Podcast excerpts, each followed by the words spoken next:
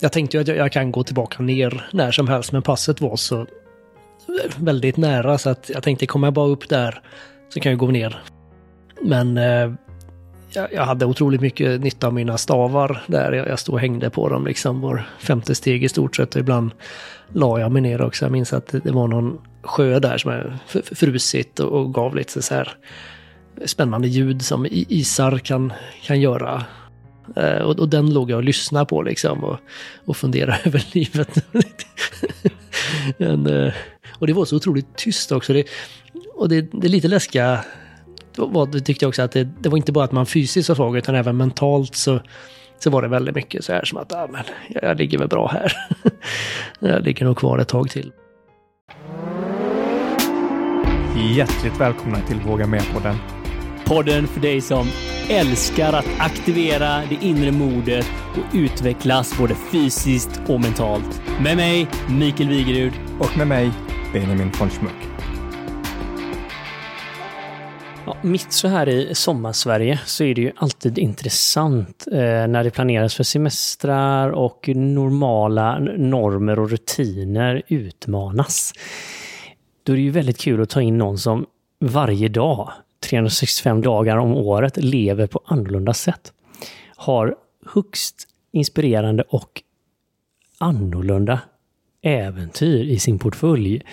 Och det här har ju tagit eh, runt hela jorden från Göteborgs skärgård till Nepal och tillbaka. Så det här ska vi djupdyka i idag och se hur kan man leva eller kanske eh, bara semestra på sätt som man verkligen längtar efter längst in. Så varmt välkommen till Våga Mera-studion, Jonas Leisner. Ja men stort tack! Jag måste säga här, eh, precis innan vi satte på mikrofonen här nu i studion så är det alltid roligt när man, när man träffas och då, då är två eh, helt färska Benjamin, du har ju precis varit på roadtrip i Norge och Åre och, och slänger ut dig i bakfängan att du flög skärmflygning. Blev flygen kan man ju säga. För jag råkade börja med att visa någon av de här fräcka filmerna du hade skickat från det här Norge-äventyret. Och jag såg på din blick Jonas när jag visade någon topp här som Benjamin hade filmat i, i Norge med moln på. Så var det som att du tittade på som att du, du, du var kompis med den här. Typ som att, ja men den kanske jag har klättrat på den här random bergstoppen. Och, och då visade det sig, Benjamin, du har flugit och, och, och, du flyger och ja, det var ju liksom mycket som kan hända i två meningar. Det var några år sedan jag flög nu, men jag har, det var absolut min eh, huvudaktivitet, liksom, eller även spotter under några år. Och, och, och året var väl där jag tog svenskt certifikat till slut. Jag, jag lärde mig flyga i massa udda länder, i Turkiet, Spanien, Frankrike och så, men sen ville jag ha en, ett svenskt certifikat så då åkte jag upp till Åre. Och det, det, är ju, ja, det, är, det är riktigt, riktigt kul att flyga snö ibland för då kan man ju starta på skidor och det, det, öppnar upp lite andra möjligheter också. Nu när vi bara utforskar det Jonas, då vet vi okej, okay, du flyger. Är det någon sån här mer extrem aktivitet som du inte håller på med? Jo, men det finns ju massor. Eh, absolut. Men, men jag tycker det är kul att, att testa nya grejer och, och, utmana mig själv lite. Och jag är väl hellre så att säga, halvkass på mycket än uh, bli riktigt bra på något. Det, det, det, det, finns någon sån där grej, jag vet jag var på eh, den här Banff Mountain Film Festival någon gång. Jag vet inte om ni känner till ja, det. Men, Banff, eh, ja. där så var det en liten kortfilm om eh, terrängenhjuling. Eh, alltså att cykla enhjuling i, i terräng. Och jag, mina kompisar tyckte liksom att shit vad löjligt. Men det, jag tror jag blev, det gjorde mig nästan ännu mer taggad på, jag måste åtminstone testa det här. Brorsan har ju någon gammal enhjuling hemma så att eh, ja, jag triggas väl lite av det där att eh, testa gränser lite och se vad som är möjligt. Terräng enhjuling. Enhjuling låter ju liksom komplicerat bara i sig. Bara på rak, platt asfalt. Jo, nej men man, jag tror alla kan lära sig på en, två veckor eller sådär om man lägger någon, någon timme om dagen. Det, det är mest bara att ha, vara lite envis och inte ge upp helt enkelt. Och, och gärna ha någon sorts korridor där man kan hålla i, i väggarna eller, eller någonting annat så att man liksom får lite hjälp med balansen i början. Men det är ju det som är så intressant här på det här temat eh, kring podden. Det är ju för att inspirera folk till att, att våga göra saker. Och här ser man, där har du hittat några nycklar som gör att du kan göra så mycket nya saker och testa så mycket. Nej, men jag har väl, jag har väl alltid gillat att röra mig i, i naturen. Eh, springa, cykla, paddla, klättra, bara beroende på vad det är för terräng man vill, vill ta sig fram i så att säga. Jag tycker det är kul att utvecklas att liksom klara någonting idag som man inte klarade igår och, och, och liksom sätta upp lite nya mål för sig själv hela tiden.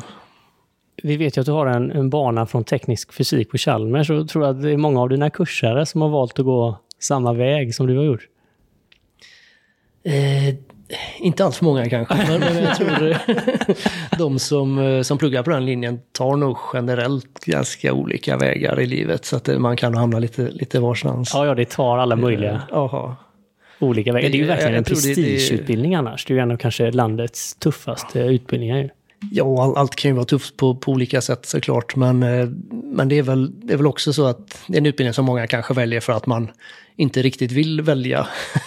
utan man vill hålla det lite öppet. Det är väl en hyfsat bred, bred utbildning. Så. Men, men då ifrån alla de här äventyren, teknisk fysik, så vet vi nu att du har bytt land. Jo, men det stämmer. Och eh, jag försökte ju kolla här med er hur man nu säger. Jag vet inte, någon lyssnare kanske kan skriva in. Men alltså, är du i Somalia eller Somalia eller hur, hur uttalar man det på svenska? Jag brukar säga Somalia. Mogadishu brukar jag säga. Det är väl samma på, på alla språk. Eller? Och det är huvudstaden? Det är huvudstaden, absolut. Och hur hittar man som, om man säger så här, lite svensk äventyrare ner till Somalia? Det börjar väl kanske någon gång för länge sedan så hade jag förmånen att få lära mig ryska i lumpen eh, som, som liksom del av värnplikten där. Eh, och det har väl lite i förlängningen lett till att jag gjort utlandsuppdrag.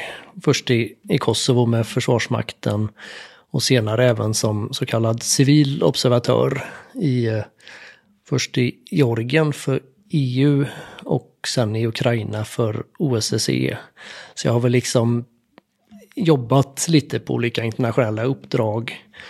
Eh, I princip utskickad, sekonderad av Sverige då. Eh, i, eh, I de länderna jag nämnde så var jag, var jag där utskickad av Folke Bernadotte-akademin. Eh, nu jobbar jag för MSB. Eh, men de som är min uppdragsgivare i Mogadishu är FN och mer specifikt OCHA så, som eh, har som uppdrag att koordinera humanitär verksamhet i, i eh, ja, Somalia och även globalt i massa olika länder. Att jobba rent alltså, humanitärt och i Somalien, hur ser vardagen ut nu? Ska man vara rent lite mer krass så jag jobbar på Mogadishu flygplats. och, och det eh, området kring Mogadishu flygplats är liksom eh, skyddat. Där, där, där, finns alla ambassader och FN-organ och andra. De, de, de, flesta andra internationella organisationer. Så att det, det är en ganska eh, liten del av Somalia som man får se tyvärr. Eh, jag, jag, vi flyger ut i helikoptrar till olika fältkontor ibland. Men eh, det är ganska sällan som man kan ta sig ut till Mogadishu. Då, då, då kräver det en viss eh, ja, eskort och så för att göra det på ett säkert sätt. Så, så det, det ligger så i luften mm. så att säga att saker och ting kan hända? Jo, det kan hända och det händer ganska ofta saker också. Så att, eh, men eh, just mitt jobb kan jag sköta ganska bra eh, ändå med, med de kontakterna som jag har inne på det området. Och ja. Men är det, är det liksom ett krig där eller hur skulle du definiera det?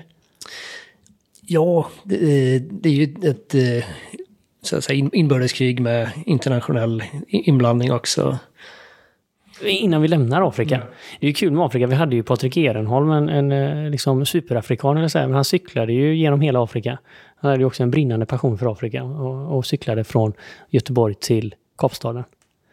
Och det var ju också väldigt många som var ute efter säkerhetsrisken och Afrika är så sjukt farligt och sånt. Så. Men han var ganska övertygad att min kärlek till de folket och till den här kontinenten kommer att guida mig genom Afrika. Och jag tror det var precis i rådande kris med eh, Sydafrika också. Ja, och det var väl vissa delar. Jag vet att det var i det här liksom Somalia-partiet. Alltså det är vissa länder som är absolut mer kritiska och det hör man ju när du beskriver hur din vardag är där. Mm, hur länge har du bott i Somalia nu? Eh, sen, sen januari. Sen januari? Och kanske en privat fråga, men är du, bor du där som singel eller har du en relation där nere? Eller hur funkar det? Nej, jag, jag är singel. Det underlättar lite det, den här livsstilen och de, de jobben som jag har. Precis. För, för det är just där när man är iväg och följer sin passion för äventyr och sånt. Då kan ju relationer vara svårt. Uh, och just, jag kommer ihåg när jag, jag flyttade till Luleå. Det är ju liksom inte överhuvudtaget samma distans. Det är fortfarande samma land. Men relationerna och vänskapen sattes ändå på test. Jo, nej men jag var ju nästan fem år i Georgien och jag, jag minns att de två första åren så var det nog så att när jag åkte till ett tredje land så tänkte jag mest på Sverige som hemma. Liksom det var, om jag tänkte på någonting när jag var i Spanien så var det ofta Sverige. Men någonstans efter ett och ett halvt, två år tror jag även forskningen brukar säga att det, det händer någonting sådär att man plötsligt börjar tänka mer på kompisar, kollegor i Georgien. Eh, så, så att det, det är väl lite, det är någonting som jag ser till att göra mer aktivt nu än, än tidigare. Att jag ser till att planera semestrar hemma och, och eh, hålla kontakt med, med alla liksom. Och då hemma, eh, hemma som i Sverige? Hemma som, ja, absolut. Men för det är väl någonting som, som du säger, som man lär sig kanske den hårda vägen. Det är så intressant hur, hur man kan lära lite av dig då. Att, att relationer kommer att utmanas. Men att idag är du lite mer förutseende för hur du kan... Det finns en annan aspekt där man är borta sådär fem år eller hur länge man är borta. Ja, det är en extremt lång period. Man, man, man, tror liksom att man kommer tillbaka till samma som man lämnar. Och, och, och det stämmer liksom på ytan såklart. Eh, Göteborg eller vad det nu är har inte ändrats jättemycket liksom, eller spårvagnslinjer och sånt. Men, men det har ju hänt otroligt mycket här samtidigt med kompisar som har gift sig och fått barn eller vad, vad de nu har gjort. Så, så att, eh, gått igenom en depression man, som man ja, inte har märkt av. Alltså, det finns ju hur mycket som helst. Ja, precis sådana grejer. Och då, då är det ju lite smått pinsamt kanske om, om det var någon nära polare en gång i tiden. Och, och, och så har man inte full, full koll på, på den biten liksom. Så, så att det, eh, det försöker jag väl göra nu och, och bara se, se, till att hålla, hålla kontakt bättre. För det är ju en sak det här och typ att man har koll, du vet, vad heter barnen och vad händer på jobbet och vad är din titel? Alltså det är ju sånt som är väldigt färskvara. Mm, men kan du se att mm, du har ankrat relationerna på något djupare plan eller har det kommit några andra insikter? För jag tänker att det är, det är väldigt få relationer som kanske överlever sådana här utmaningar. Riktigt bra relationerna överlever väl i stort sett allt, men, men, men, men de, de kräver ju underhåll såklart. Absolut, nu, nu finns det ju de ställen jag har jobbat senaste åren i alla fall har jag ofta haft bra wifi så att det går ju att liksom prata videosamtal eller hur man nu vill göra varje dag om man, om man skulle vilja oftast. Det, det, det, kan, det minns jag var en utmaning i i Kosovo för, för väldigt länge sedan. Att det fanns liksom en liten telefonkiosk man kunde gå till och, och stå, i, stå i kö. Och, ja, alltså världen har ju blivit extremt mycket mindre där. Jaha. Telefonkiosk i kö. Jag vet inte ens om alla lyssnare har gjort det någon gång. Nej, det, men det var en eh, upplevelse. På, på ett sätt så var det ju, då tog man ju det samtalet mer seriöst också. Jag, jag pluggade i Moskva några månader och då fick man ju liksom gå iväg långt bort och betala, betala någon babuska där för att, för att liksom få sina tio minuter eller vad det var. Om man, om man då skulle ringa mamma och någon mer så fick man ju liksom fundera igenom vad man skulle oh. säga och, och liksom... Hej mamma, jag har tio minuter nu. Idag blir det ju lite, man kan ju ha någon sorts mer artificiell kontakt ibland när man liksom bara skickar bilder till en, någon WhatsApp-grupp med massa polare. Men det är ju inte riktigt detsamma som att verkligen ha nära kontakt nödvändigtvis. Så att, eh, på ett sätt kan det nästan vara, bättre för. eller, eller att man åtminstone ser till att planera in de där kvalitetssamtalen nu också. Jag gillar att du säger kvalitetssamtalen. Mm. Vad innebär det då? Lyssnar eh, och inte håller på med för mycket annat som, som liksom stör och, distraherar. Alltså att man är närvarande i det mötet? Nej men precis, mm. definitivt. Ja det är ju inte helt enkelt. Alltså du vet jag hade ett samtal eh, med morsan tror jag i förrgår. Så frågade hon, gör du något annat? De är ju bra på att se liksom, subtila signaler. Särskilt mamma brukar... ja, där kommer man inte undan. För mig, kvalitetssamtal, det är också att man har egentligen ingen tänkt deadline på samtalet. Utan det kan bara fortsätta som om man träffar någon. Att det kanske blir en timme eller kanske till och med två. Och jag tror även att det kan bli tyst en längre stund. Ja, att mm. man liksom sådär bara, att det inte gör någonting. Eh, det, det, då, då känns det som man har en bra nära relation. Att det får bli tyst i samtalet? Mm. Mm. Hur länge kan det vara tyst innan det blir liksom jobbigt? Ska vi testa? Ja.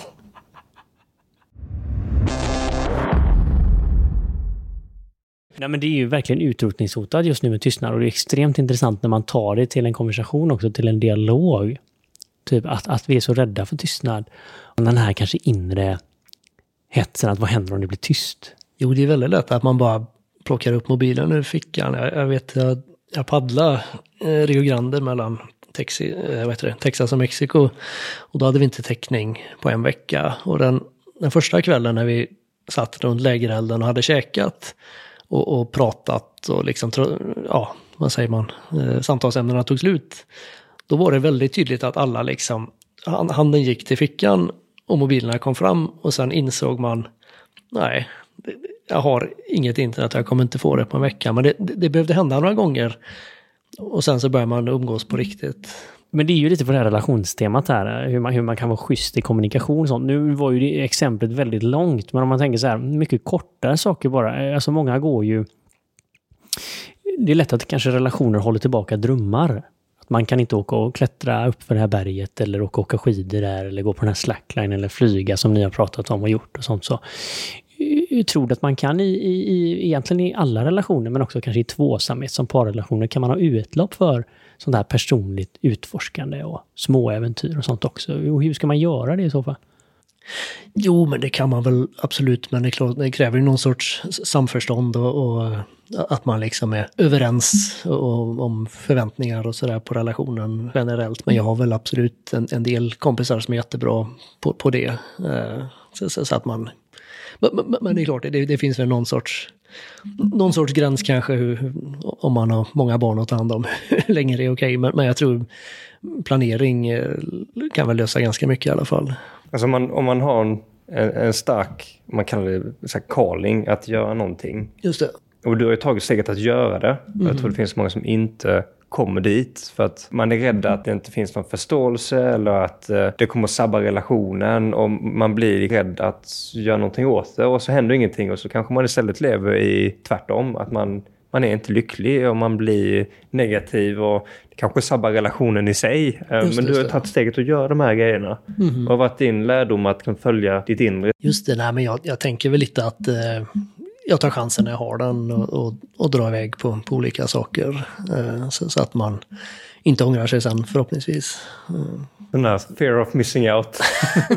jo, men det, det finns ju sådana aspekter. Den, eh, det, det är oftare man ångrar sånt man inte gör än det man, man gör, tänker jag. Du har gjort det här i en, en liksom tidsepok. Jag tänker att många av dina vänner och sånt har skaffat barn och köpt hus och gjort karriär och sånt. Så har du känt ett tryck mot dig? Eller liksom, hur har du förhållit dig till när man går olika vägar? Så? Jo, men det har nog absolut eh, funnits i perioder och så. Definitivt. Och, och det är klart man eh, eh, ifrågasätter sina val ibland och det är inte, det är inte självklart att eh, man, man valt rätt på, på något sätt. Liksom. Ja, och så kanske man blir ifrågasatt av alla andra också. Men, eh, jo, det, det, är ju... Eh, men, men, det är klart, det, i vissa perioder så, så känns det ju mer och sådana saker när, när, när syskon och, och, nära vänner får barn och, och allt sånt. Absolut. Ja, men det är intressant för jag kunde känna det väldigt starkt eh, man säger, när jag gjorde mina uppbrott och klev ut från det svenska samhället, sånt som kanske var i prime time, babyboomen då. Och var jag? Jag var 30, ja, men precis fyllde 33 där. Men jag stack till Indien. Och, och, då var det ju en hög babyboom. Och det var svårt både själv och bryta. Alltså det är ju en väldig kraft i den apparaten. Mm. Och det är väldigt mycket förväntningar från alla håll. Och det är som att om man gör det, då har man liksom the ultimate goal of life. Istället för att man gör det som kanske en, ens uh, spirit viskar. Just det, just det. Absolut. Hur hanterar du den känslan då, Mikael? Ja, men den var, det var ju en, en, en väldigt, har varit en svår, alltså både själv men även tryck utifrån, att, att stå fri i det när man kanske eh, jag ska inte säga att någon hoppar, det är, det är inte någon som kanske vill illa, men när man möter folk och sånt så är alla frågor ofta adresserade kring, okej, okay, men har du gift dig nu eller har du skaffat barn eller nej, men jag är typ singel och kom hem från Indien och alltså man får stå typ i vara ett big failure. Mm i de ögonblicken. Ja. Och, och, det kan ju typ i, i, i små kollapser ha varit väldigt sorgligt och smärtsamt. Men jag tror så här, med tiden så har jag byggt upp att det är så jag har velat leva mitt liv hit. Och försöka göra mig fri från det liksom, kulturella aspekten. Alltså det är väldigt enformat. Om man lever som alla andra så är det bra. Men jag, jag tror att liksom, priset av att inte leva sitt egna liv, det är ju inte så kul. Nej, det där du beskriver, det, det kan man uppleva ännu mer i vissa andra kulturer. I forna Sovjet och sådär, då, då, då, kommer alla skrika på dig på gatan om du går omkring ensam och inte är gift och frågar varför. ja, det går inte ens där. Nej, men det, de, de, de, eh, de kan vara mycket mer eh, direkta. Eh, Hur skulle en sån fråga låta då? Молодой человек, иди сюда. Och vad betyder det då? Varför är du inte gift igen? Unge man kom hit och, och sen, sen kommer alla de uh, frågorna. Liksom. Ja, är de på det, dig då liksom? Jo, men det kan det vara. Absolut. Det, det, det är nyfikenhet liksom i de, i de ja. flesta fall. Och, och, och, så är det väl bara en... De är vana där vid att man uh, gifter sig tidigare helt enkelt. Det, det, finns väl för ganska många inte samma liksom, uh, idé om att man måste ut och resa och se världen. men det är så intressant de frågorna. Jag tänker själv när folk har liksom tittat på mig så och sagt, men herregud Mikael, du ser bra ut. Du är välutbildad. Du är liksom en reko kille. Eh, vad är det som är fel på dig? Varför kan du inte eh, gifta dig med någon? Ja, nej, jag... Har du svar på det? Om någon lyssnar och har svar så vänligen skicka in. Nej, men vi, vi, vi närmar oss väl en tid när det blir mer och mer eh, okej okay att, att leva så som man vill. Att, att ibland har man ju i behov av att uttrycka sig, som du säger, se världen eller upptäcka sig själv eller resa eller göra saker. Att, att det kommer att mer och mer nu för varje år som går blir fler vägar på hur man kan leva livet. Det skulle väl vara fantastiskt om, om podden och det här, de här samtalen kan vara med och inspirera till det. Nej, men hittills när jag har dragit iväg på olika, alltså antingen äventyr eller jobb utomlands så har jag väl mycket tänkt att eh, eh, det där med att stagga sig kan man alltid ta sen när jag vill hinna med det här först liksom. Men, men det är klart, eh, nu, nu, kanske man börjar lite mer nå en aktningsvärd ålder där man eh, funderar på om det om, om man kan ha det argumentet längre. Och det, det, det kanske är så att vi borde våga gifta oss och skaffa barn. ja, det är väl också modigt. Det ska man inte faktiskt säga. Och det kanske finns mellanting, att det inte behöver vara det ena eller det andra heller. Att man inte måste ge avkall. Jag tänker du Benjamin, vi har pratat om det en hel del du och jag. Eh, måste man ge avkall för att man är i relation eller kan man hitta ett samspel som du säger Jonas? Alltså, man kommunicerar och lirar och kompromissar ibland och också får göra sina grejer. Nu pratade vi nästan om relationen till nära eller partner och så här. Om, om mer generellt att förstå människor och vi har ju eh, hur svenska är typiskt. Eh, och, och, sen så räcker det med att man åker till våra grannländer så ser man liksom en annan typ av kultur, Danmark till exempel. Och du har varit runt så mycket på så olika platser. Du nämnde här till exempel Ryssland med direktheten. Vad har du lärt dig i liksom relationer och människor när det kommer till just de här kulturella aspekterna? Det är ju väldigt intressant att jobba i en liksom multikulturell miljö. Det, jag började med att jobba med EU-kollegor och då är det ju från 26 olika länder. Sen från OSSE tror jag 57 medlemsstater och nu jobbar för FN med 195. Så jag, liksom, det har gått, gått till att bli fler och fler olika kulturer inblandade. Men alltså någonting är väl att bara våga visa känslor och liksom våga ta debatter lite mer rakt och att det inte betyda så mycket. Det har ju varit i möten där folk liksom slår, slår i bordet och smäller i dörrar och skriker och går därifrån men sen går man ändå ut och tar en öl på kvällen eller så. Eh, så, så att, eh, och där man liksom inte är så, så är man, ja det är inget långsiktigt problem att man har haft ett, ett gräl eller så när man är i en annan kultur eller man möter någon annan från en annan kultur så kan man kanske lätt vara så att man vill inte stampa någon på foten. Och som italienare som tänker och pratar samtidigt och eh, australienare som sätter sig bredvid en på bussen trots att hela bussen är ledig. Det finns ju liksom de kulturella aspekterna. Vad är dina tips här kanske man vill prata med folk och vill lära känna kultur, men man vet inte riktigt hur. Eh, nej, men gå fram och ställ någon fråga. eh, de flesta är väl, på de flesta ställen jag har varit, är ju bara glada att prata och, och nyfikna liksom på vem, vem man är och sådär. Eh, och, och om, om man börjar prata med dem så går det väl snabbare att de inte ser en som ett potentiellt hot, eller man ska säga, när, när de vet vem man är och att man verkar väldigt, väldigt sinnad. Så att, eh, våga ställa frågor. Så inte konstra till det. Gå ut och snacka massa. Jo, men det tycker jag. Även liksom eh, introducera sig själv så, så, att de vet, vet vem man är och så, om, om de är intresserade. Och det, det, men det, det beror helt på vad det är för kontext. Och, och om vi liksom pratar kollegor eller någon du råkar träffa på stan eller, eller vad det kan vara. Men vi, vi, vet ju det, på tal om eh, kulturer, så vet vi att du har haft en nära relation också med eh, den här nepalesiska kulturen och sherpa-kulturen i bergen i Nepal. Vi har ju ett avsnitt där, där jag beskrev lite av min upplevelse kring, kring att vandra här. Men jag vet att du har gjort en lång vandring. Jag hade väl en idé att ta mig runt en eh, hyfsat känt eh, trekking som är eh, tre pass i, i Everest-regionen. Eh, och eh, starta i eh, en, by, en liten by som heter Giri för att det är där som eh, expeditionerna traditionellt startar. Så att jag, jag tog bussen dit från, från Katmandu. Eh, och sen hade jag väl någon tanke kanske att om det känns bra kanske man kan försöka klättra eller ja, bestiga någon topp. In, in, inte någon teknisk klättring men, men eh, ta sig upp lite högre. Men, men, men, det var... Allting var lite beroende på hur det går. Jag tänkte jag tar den här första sträckan från Giri till Namche och så känner jag av och sen tar jag mer beslut när jag kommer dit. Du är ju ganska rutinerad att, att gå och röra på dig fysiskt. Ungefär hur lång tid tar en sån här resa om man planerar det? Ja, nej, men jättebra fråga. Jag, jag hade ju försökt googla lite och kolla på bloggar från andra som hade vandrat och, och göra någon uppskattning om vad det möjligen kunde ta mig. Jag tänkte för att det går väl lite fortare i alla fall, men samtidigt så har man ju aspekten att när du eh, tar höjd varje dag så vill du inte göra det för fort för att då, då blir du höjdsjuk helt enkelt. Och det, det kan ju vara allt från lite huvudvärk till att det blir rent livsfarligt om du, om du pushar dig för mycket. Eh, så att jag tänkte väl att de delarna när jag eh, tar mycket höjd, då, då får jag nog ändå gå i mer vandringstempo medan jag kan ta de lite mer platta delarna eh, lite snabbare var väl förhoppningen. Ja, för du sprang väl en del också?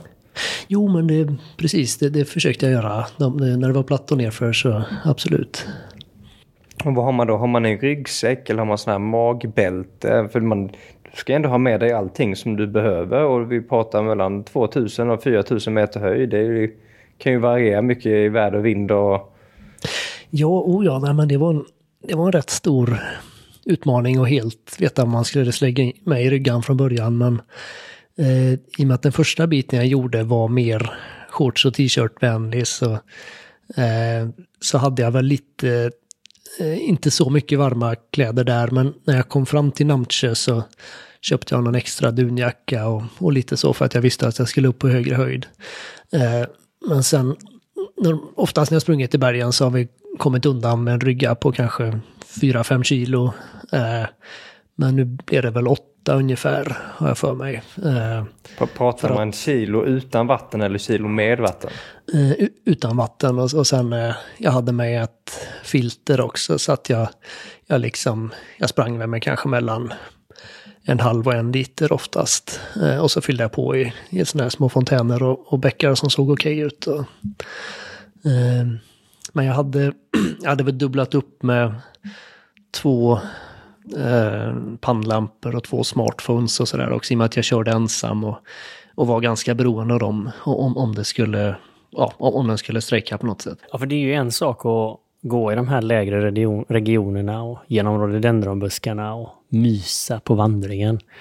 Eh, sen efter du har haft de här mötena, det är ju någonting att komma in i Namche Bazaar, alltså jag får ju nästan gåshud. Det är ju kanske en av de här, vad ska man säga, klättrings och vandringsmeckarna i världen på den här mest beryktade vägen upp till Mount Everest. Och de förväntningarna, alltså den energin som är där, de som är på väg upp har ju Alltså de flesta har ju förberett en livstid eller liksom den största drömmen i livet. Och samtidigt människor som är på väg ner. Så varje väg så kommer man ju därigenom. Vad tar du sikte här då? Efter att ha lagt ut kartan, tittat på planen, bestämmer du att du ska gå de här tre passen, vilket är en cirkel, alltså en ganska lång omväg upp till Everest Base Camp? Ja, precis, precis. Och, nej, men det var med Namche där var precis den känslan jag hade också. På, på vägen dit från Gire så tror jag jag hade mött kanske fem andra utlänningar. Så, så, så att det var ju också en ganska stor grej att plötsligt komma in och, och träffa folk och ha liksom eh, fler att och, och prata med när man diskuterar rutter och så. Och jag, jag minns jag pendlade fram och tillbaka om jag skulle göra medurs eller moturs eller hur jag skulle göra för att folk hade olika tankar om allting. Men sen blev det väl i slutändan ganska spontant att jag, jag hade varit ute och druckit öl och spelat biljard med några nepaleser. Och de sa, men vi ska ut och klippklättra imorgon, eh, lite norr om Namche. Eh, vill du hänga med?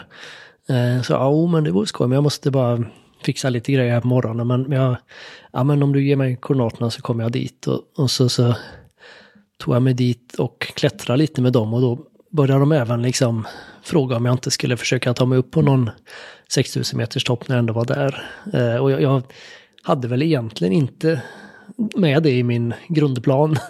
Men i och med att vi fick rätt bra, jag fick väldigt bra känsla med dem. För att med en del guider i sådana här länder så, så finns det ju en risk att de eh, inte nödvändigtvis är jättebra på att klättra egentligen. Men, men de försöker försörja sig för att turister är en bra inkomstkälla. Alltså de, de gör säkert sitt bästa men de har inte någon genuin klätterutbildning. Men de här två killarna, eftersom de ändå höll på med klättring på sin fritid och liksom verkar tycka det var ett stort intresse så fick jag lite mer förtroende för dem. Då bytte vi WhatsApp och vi sa, vi hade en preliminär plan. Eh, att om jag tar mig upp på 5000 meter och allt känns bra så, så ses vi ja, kring Tingborch eh, som eh, var någon vecka bort och, eh, och, och hyr utrustning där. eh, men, men det var fortfarande så att jag skulle liksom bekräfta den planen senare och även från deras sida så var de tvungna att göra lite research och vi hade inte helt bestämt vilken topp. Det finns ett, i alla fall två populära där hyfsat nära Everest som är Lobuche och Island Peak och det fanns för och nackdelar med bägge liksom beroende på vilken rutt jag tänkte ta och så. Men jag tog mig upp i alla fall eh, till Gokyo som är ett jättefint ställe eh, och eh, spendera lite tid där i någon hängmatta vid sjöarna och liksom räkna dagarna och där, där sökte jag väl även en veckas extra semester. men då, men då, då var du, jag på... inte hem härifrån. Och då var du på 5000 meters höjd? Ja, precis, precis. Jag För hade... att egentligen liksom akklimatisera kroppen då? Ja, precis. Så det, det, är ju bra att bara spendera tid där i en hängmatta. Hur känns det under den här äh, akklimatiseringen? Är man jättetrött? Är man full? Eller vad är det för typ av känsla i kroppen? Jo, men full är väl en ganska nära beskrivning hur jag det känner mig. dagen, den dagen jag tog mig till Gokyo, då måste man ju ta sig över ett, ett pass. Eh, och det gick otroligt långsamt eh, för, för, mig eh, de, de sista 200 höjdmetrarna där. Jag, jag vet jag hade eh, gått tillsammans med någon annan amerikan en del, men han, han, han gick ifrån mig. Eh, han hade väl bara varit lite längre på höjd. Eh, han har gjort Annapurna och så innan också. Eh, och sen kom det en schweizisk eh, person och, och gick ifatt mig och introducera sig ganska snabbt som ja, jag är läkare och jag tycker du borde ta de här pillren. som var Diamox då, som är bra mot höjdsjuka för att han, tyckte jag hade en del symptom baserat på hur jag, hur jag stapplade fram där. och, och, och, jag hade väl egentligen lite naivt tänkt, ja, ja, nej men det där är ju fusk liksom, ska väl inte jag behöva, jag ska akklimatisera mig på riktigt. Men, men just i, det, i den situationen så kändes det som, ja, oh, ja okej, okay, tack. Det var ju schysst att det kom, kom någon där ju. Så det var, Mikael, du fick ju känna på eh, höjd eh, ordentligt när du var iväg. Hur skulle du beskriva liksom den här smygande känslan? Ja, men det är ju en eh, nära döden-upplevelse. Alltså det, det, är fruktansvärt när det kommer. Alltså, du som är så extremt stark och, och, så förberedd. Jag hör ändå här när du säger liksom, när kraften dras ur en. Det var lite så jag upplevde det. När he, grundkraften togs ur min kropp. Jag minns liksom första, det var på väg upp på ett pass också på, på 5600 meter och de här liksom sista 100 typ metrarna upp. Alltså, jag tror inte man kan knappt säga att jag gick. Jag kommer ihåg, det kom, jag upplevde dem som pensionärspar, men ett äldre par. Och det var som att de typ var Bolt, Usain Bolt. Och alltså, jag, jag gick så fort jag kunde, men det var liksom myrsteg. Och det är som att man dör inombords. Alltså det är extremt läskig känsla. Och jag tänker här, den här läkaren så kommer du själv, du går och Eh, vad händer i din kropp? Känner du att någonting är på väg att kapsejsa eller? Jag tänkte ju att jag, jag kan gå tillbaka ner när som helst, men passet var så väldigt nära så att jag tänkte kommer jag bara upp där så kan jag gå ner, fast på andra sidan och det är dit jag vill. Eh, men eh, jag hade otroligt mycket nytta av mina stavar där. Jag stod och hängde på dem liksom var femte steg i stort sett och ibland la jag mig ner också. Jag minns att det var någon eh, sjö där som är frusit och gav lite så här spännande ljud som isar kan, kan göra. Eh, och, och, den låg jag och lyssnade på liksom och, och funderade över livet. Men, eh, och det var så otroligt tyst också. Det, och det, det är lite läskiga var, det tyckte jag också att det, det, var inte bara att man fysiskt var svag utan även mentalt så, så var det väldigt mycket så här som att ah, men, jag ligger väl bra här. jag ligger nog kvar ett tag till. Men, men, eh, men sen eh, ja, tänkte jag nu, nu får jag resa mig upp och antingen gå upp eller ner och då, då testade jag upp och så var jag uppe på det där passet och, och det var en otrolig uppenbarelse att se Gokyosjöarna och, och även Everest bakom. Eh, det var ju nästan religiöst och, och, och, stå där och ta någon, någon selfie på sig själv. sen, sen tänker jag att nu, nu ska jag nog ta mig ner också. Eh, och, och sen spenderar jag, jag tog väl en hel vilodag i, i jag för mig och eh, bestämde mig för att jo men det känns ju ändå liksom relativt bra nu igen. Så att eh, som jag sa, jag, jag tog en veckas till semester. Eh, jag whatsappade den här klätterguiden eller, eller vad han var, klättraren. Och hade tänkt att jag skulle kunna betala honom via eh, bank, ja, min telefon men det, det funkar inte. det, det, var no, no, någonting att man måste fördefiniera mottagare så att då, då fanns det bara ett alternativ och det var att springa ner till Namche igen. för att liksom hämta pengar. Hämta pengar. Det, så, så, så, så där, där, du kom ifrån innan den här liksom, akklimatiseringsklättringen med fem stapplande steg i taget. Så sprang du ner där igen. Ja, men jag tog, jag tog en rejäl vilodag emellan och, och åt en massa, drack en väldig massa ingefärste och, och, och, gröt. Och sen tänkte jag att det är nedförsback. Och jag, jag, tänkte även att det kunde vara himla skönt på ett sätt, för jag hade ju eh, sprungit gott runt med, med den här tunga ryggan. Eh, men jag tänkte om jag drar ner dit, då tar jag bara med det, det nödvändigaste, liksom en, en eh, powerbank och laddare och en dunjacka och, och, och, lite så. Men jag lämnar det mesta kvar här. Och det, och det var så otroligt skönt att springa med lättpackning i, i nedförsbacke. Eh, och kom ner, hittade honom. Eh, vi gick direkt till någon bankomat, stod och tog ut 15 000 i taget. För att, jag tror jag tog ut en sex gånger eller något i lite olika bankomater för att, för att få råd att betala för, för den där eh, eh, turen då och eh, käka en hyfsat rejäl lunch och sen började jag ta mig upp mot, mot Kockö igen. Då. Jag tog mig inte riktigt ända dit, men, men det var ändå en riktigt, en riktigt bra dag vad gäller att liksom, eh, ja, springa nedförsbacke lätt. Det, det, det, det minns jag fortfarande känslan där, hur otroligt skönt det var. Det är, det är en bedårande frihetskänsla ju, att lätta packningen, vända neråt och, och, i den här magiska miljön. Det är ju det är som att vara i sagoland nästan. Ja, och det blir ju någon effekt där när du går ner från hög höjd till låg. Att plötsligt kan du andas otroligt mycket effektivare. Och det var någon gång eh, senare under resan också som jag eh, sprang förbi ett antal eh, uniformerade personer eh, som, med, med, vapen och sånt som var ute och tränade också. Jag liksom sprang förbi dem i uppförsbacke nere på låghöjd nära Lukla då. Men, men det var det var otroligt vad, vad mycket starkare man kände sig eh, på den höjden. Än, ja, särskilt när man har, har varit någon vecka högre upp innan. Ja, det, det, jag upplevde det som att livet liksom rusar in i kroppen. Det är ju en extremt sån livskänsla. Alltså den vill man ju vakna med varje dag, men liksom man har varit döende uppåt. Och så liksom bara pumpa livet in i systemet. Bara, yay! Oh ja, nej, det är helt, det är helt magiskt. Och så, och så den kontrasten också, liksom, att du...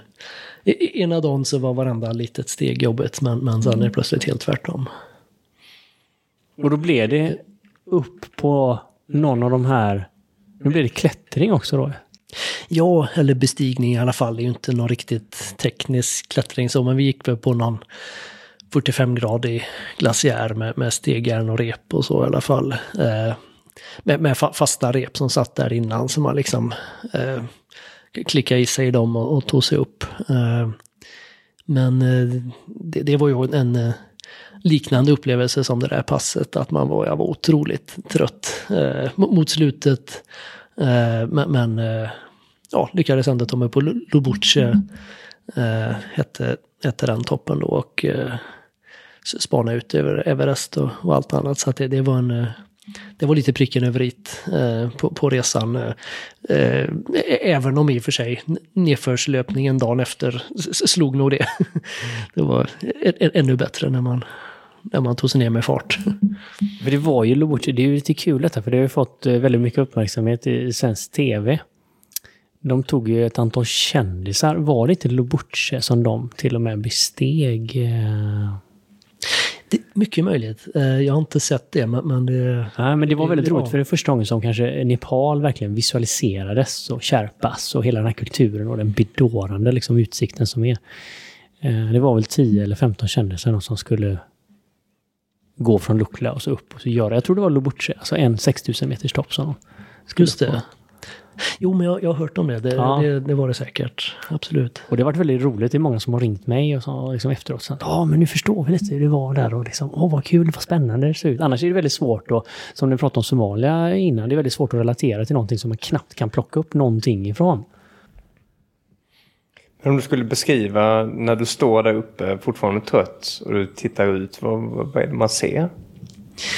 Eh, du ser ju en väldig massa snöklädda toppar och sen är det väl bara den här euforin att du faktiskt vet att du är uppe och slipper ta de här jobbiga långsamma stegen uppåt. Utan nu, nu- kan du bara, bara njuta.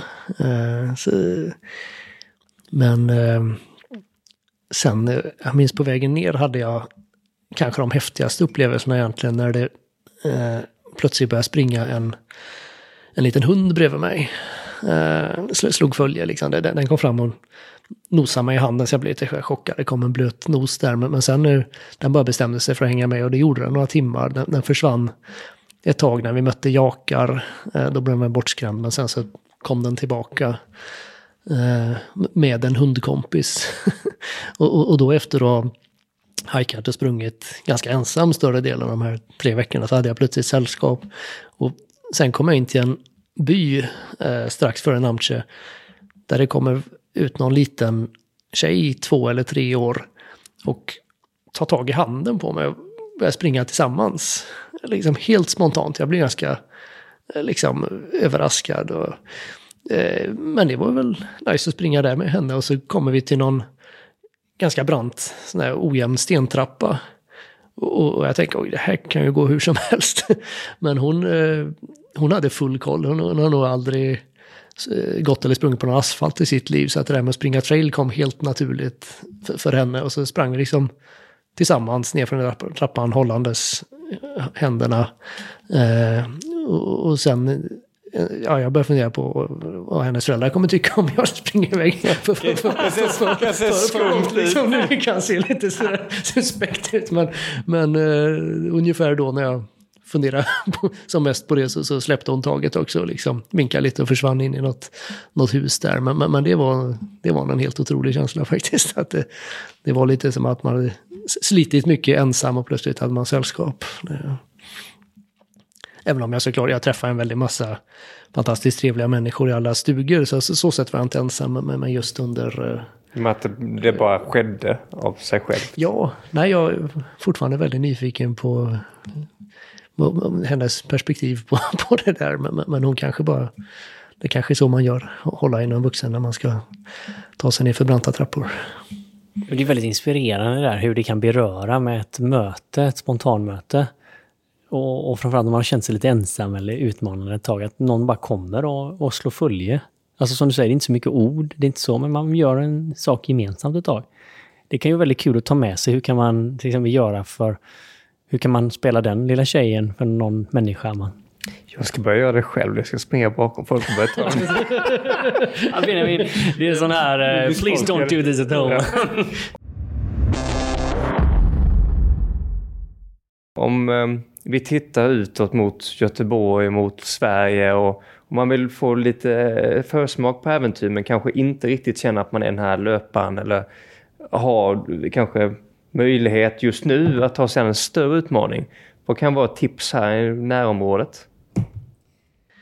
Det finns ju otroligt många vardagsäventyr man, man kan hitta på. Jag tycker vi är ju rätt bortskämda egentligen med att ha både en väldig massa sjöar och skärgård. Det, det har man ju inte i många länder eh, där jag har bott och, och liksom den här allemansrätten att kunna ta sig ut på stigar enkelt utan att det är privatägt och allting. Eh, men eh, om vi pratar SUP till exempel, som jag vet att Mikael lirar också, så, så, är det ju... Jag, jag, tycker en SUP är ett otroligt mångsidigt eh, eh, sätt att ta sig fram. Det, jag har gjort lite turer när jag, när jag sover på SUPen om, om man släpper ut. Och då pratar vi en sån här större surfingbräda som är fylld med luft i detta fallet.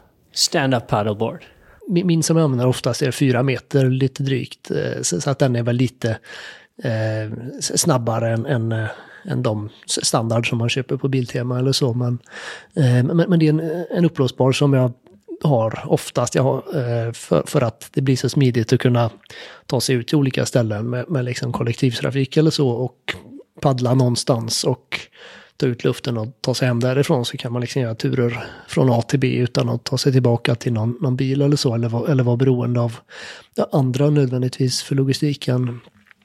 Eh, och om man släpper ut lite luft ner till ungefär 5 psi brukar jag tycka är lagom. Då blir det som ett 15 cm stort skönt liggunderlag och så kan man, kan man sova där och slippa ta med sig tält och så. Eh, så jag har gjort några några sådana turer kring, eh, ja här i Göteborg, Vättlefjäll och, och skärgården och så. Vi har även haft med supparna när vi seglat med en kompis. Eh, först till Lysefjorden i Norge och sen eh, andra sommaren seglade vi till Färöarna. Och det, då var det ju otroligt att liksom ha den möjligheten att eh, ja, men, paddla lite före eh, sova någonstans eventuellt och sen kom de och plocka upp mig med båten dagen efter. Så att jag, eh, jag tycker suppar är häftiga, att man liksom kan man kan paddla allt från de allra minsta bäckarna till, till liksom eh, eh ja, men lite öppna vatten och så också. Och, och, det finns väl också här i skärgården att man kan paddla en viss rutt eller besöka vissa märken? Ja men precis, det, det finns ju finns ju i de flesta svenska städer med någon sorts självaktning. Eh, att man sätter ut orienteringskontroller, eh, antingen naturpasset eller hitta ut eh, någon gång under våren. Och sen så, så har man möjlighet att eh, eh, ja, men försöka hitta de kontrollerna under sommaren. Så att tillsammans med en kompis ganska spontant så, så gjorde vi en eh, tur där vi målet var att försöka ta alla hitta ut-kontroller i södra skärgården. Och, och, då är det liksom att man har en karta och så på den här kartan så finns det olika märken som man ska besöka då eller ta sig till? Ja men precis, det, det är som, som orientering är det absolut. Eh, så att det blir en lite sån här logistisk utmaning och även planeringsutmaning som vi liksom inte hade gjort innan. Att vad är smartast? Ska vi liksom paddla nära alla kontroller eller ska vi gå i land någonstans och försöka ta ett antal kontroller samtidigt och hur gör vi det här smidigt liksom för att eh, ta ändå den, no, någon smart väg. Och, eh, min polare Fredrik var väldigt på, eh, han behövde inte fundera länge innan han liksom, han var lite, ja men jag, jag behöver bara en, eh, någon sorts vattentät säck. Jo men du kan låna av, av en kompis, sa jag. Så, så var vi iväg där på, på var det lördag morgon vi stack ut antar jag. Eh, och vi lyckades på något sätt ta alla kontrollerna i, i södra skärgården och paddla över till norra också. Eh, när det var söndag kväll. Då. Eh, men då var han tvungen att jobba dagen efter så att han han, han sa tack och hej och tog färjan in, men jag tänkte jag, jag, har ju lite krafter kvar så jag ska väl försöka ta norra också. Eh, tog mig till en, en kompis på Öckerö, blev bjuden på en fantastisk lunch där, fick lite ny energi och eh, ja, men tog, tog mig runt där också. Så att det, jag tycker man får ju se otroligt mycket när man gör såna här grejer. Eh, och, och liksom eh, det finns en otrolig potential i den svenska naturen. Och det är ju det är helt upp till mig själv vad man, vad man väljer att ha för utmaningar. Det behöver inte vara någonting som är fysiskt jobbigt alls. Alla har ju olika intressen och förutsättningar men, men eh, jag tycker det är, det är kul att försöka se något nytt. Jag brukar försöka tänka så när jag sticker ut och springer eller vad som helst, att inte ta liksom samma runder. Ja, det, är så, det, det är så roligt. Det bubblar ju av, av äventyrslust och man ser att, som du säger, det finns i närområdet. Och bara att ta en annan väg på löpturen kan börja öppna upp för ny information och ny input och nya upplevelser. Eh, det handlar om att hitta kompisar som har lite, lite grann samma idéer om vad man vill göra. Att man liksom ja, men tänker igenom lite vad, vad, är målet att ta sig fram fort eller uppleva mycket eller vad, vad vill vi få ut av detta?